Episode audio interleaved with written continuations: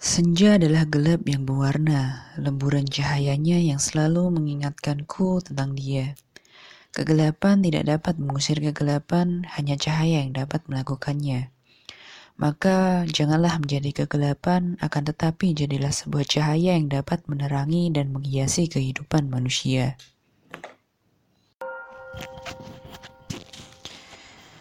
Kisah ini diambil dari ulama yang terkenal di kota Mekah.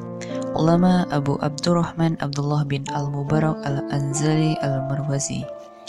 Suatu ketika setelah selesai menjalani salah satu ritual haji, ia beristirahat dan tertidur. Dalam tidurnya, ia bermimpi melihat dua malaikat yang turun dari langit. Ia mendengar percakapan mereka. Berapa banyak yang datang tahun ini? Tanya malaikat kepada malaikat lainnya.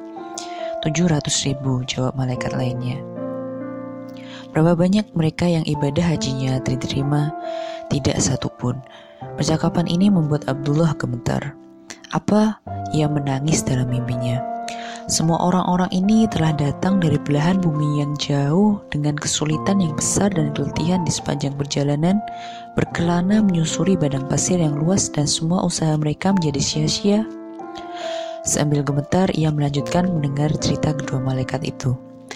Namun ada seseorang yang meskipun tidak datang menunaikan ibadah haji tetapi ibadah hajinya diterima dan seluruh dosanya telah diampuni.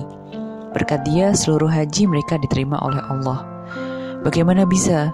Itu merupakan kehendak Allah. Siapa orang tersebut?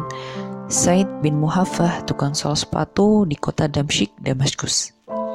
Mendengar ucapan itu, ulama itu langsung terbangun sepulang haji. Ia tidak langsung pulang ke rumah, tapi langsung menuju kota Damaskus, Syria. Sampai di sana ia langsung mencari tukang sol sepatu yang disebut malaikat dalam mimpinya. Hampir semua tukang sol sepatu ditanya, apa memang ada tukang sol sepatu yang namanya Said bin Muhafah? Ada, di tepi kota. Jawab salah seorang sol sepatu sambil menunjuk arahnya. Sampai di sana, ulama itu menemukan tukang sepatu, tukang sepatu yang berpakaian lusuh. Benarkah Anda bernama Said bin Muhafah? Tanya ulama itu. Betul, siapa tuan? Aku Abdullah bin Mubarak. Said pun terharu. Bapak adalah ulama terkenal. Ada apa mendatangi saya? Sejenak ulama itu kebingungan. Dari mana ia mulai pertanyaannya? Akhirnya ia pun menceritakan perihal mimpinya.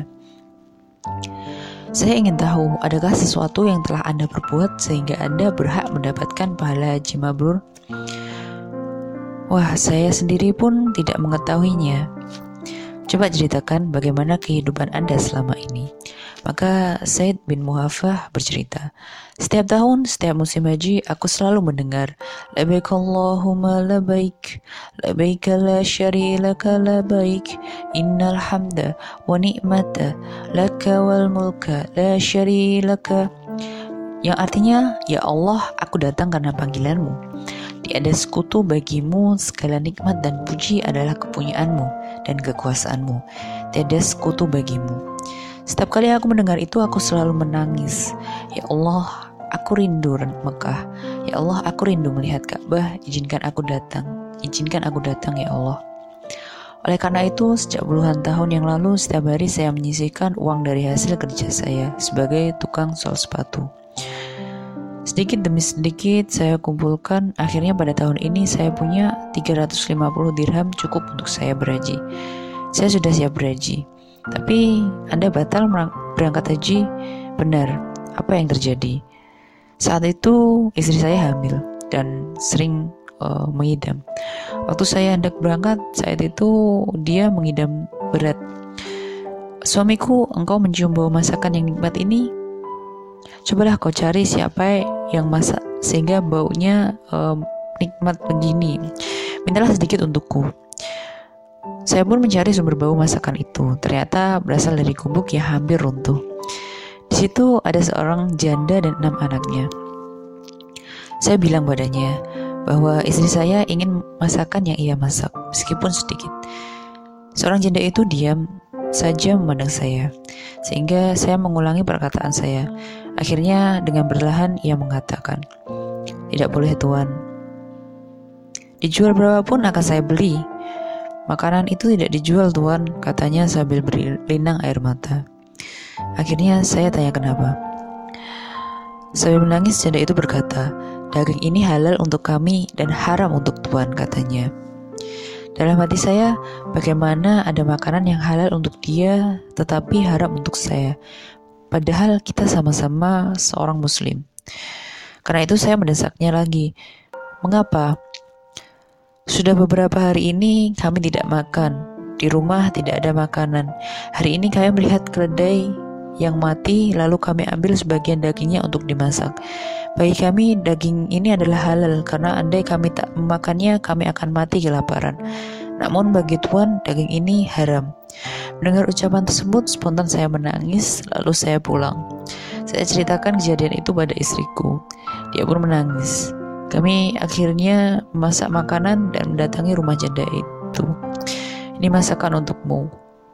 Uang yang digunakan untuk uh, saya haji sebesar 350 dirham pun saya berikan pada mereka. Pakailah uang ini untukmu keluarga, gunakan untuk usaha agar engkau tidak kelaparan lagi. Saya berdoa, ya Allah, di sinilah hajiku, ya Allah, di sinilah Mekahku. Mendengar cerita tersebut, Abdullah bin Mubarak tak bisa menahan air mata. Di dalam kisah ini hmm, sangat memberi hikmah bahwasanya membantu orang di sekitar kita bisa menjadi sama nilainya dengan pergi haji di mata Allah. Pengorbanan yang uh, ia lakukan justru menghantarkan mendapatkan pahala laksana orang yang melaksanakan ibadah haji.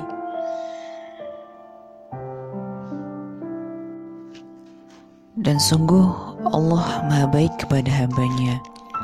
Allah memberikan apa yang diinginkan oleh hambanya, akan tetapi terkadang manusia lupa dan lalai akan semua kenikmatan yang telah Allah berikan.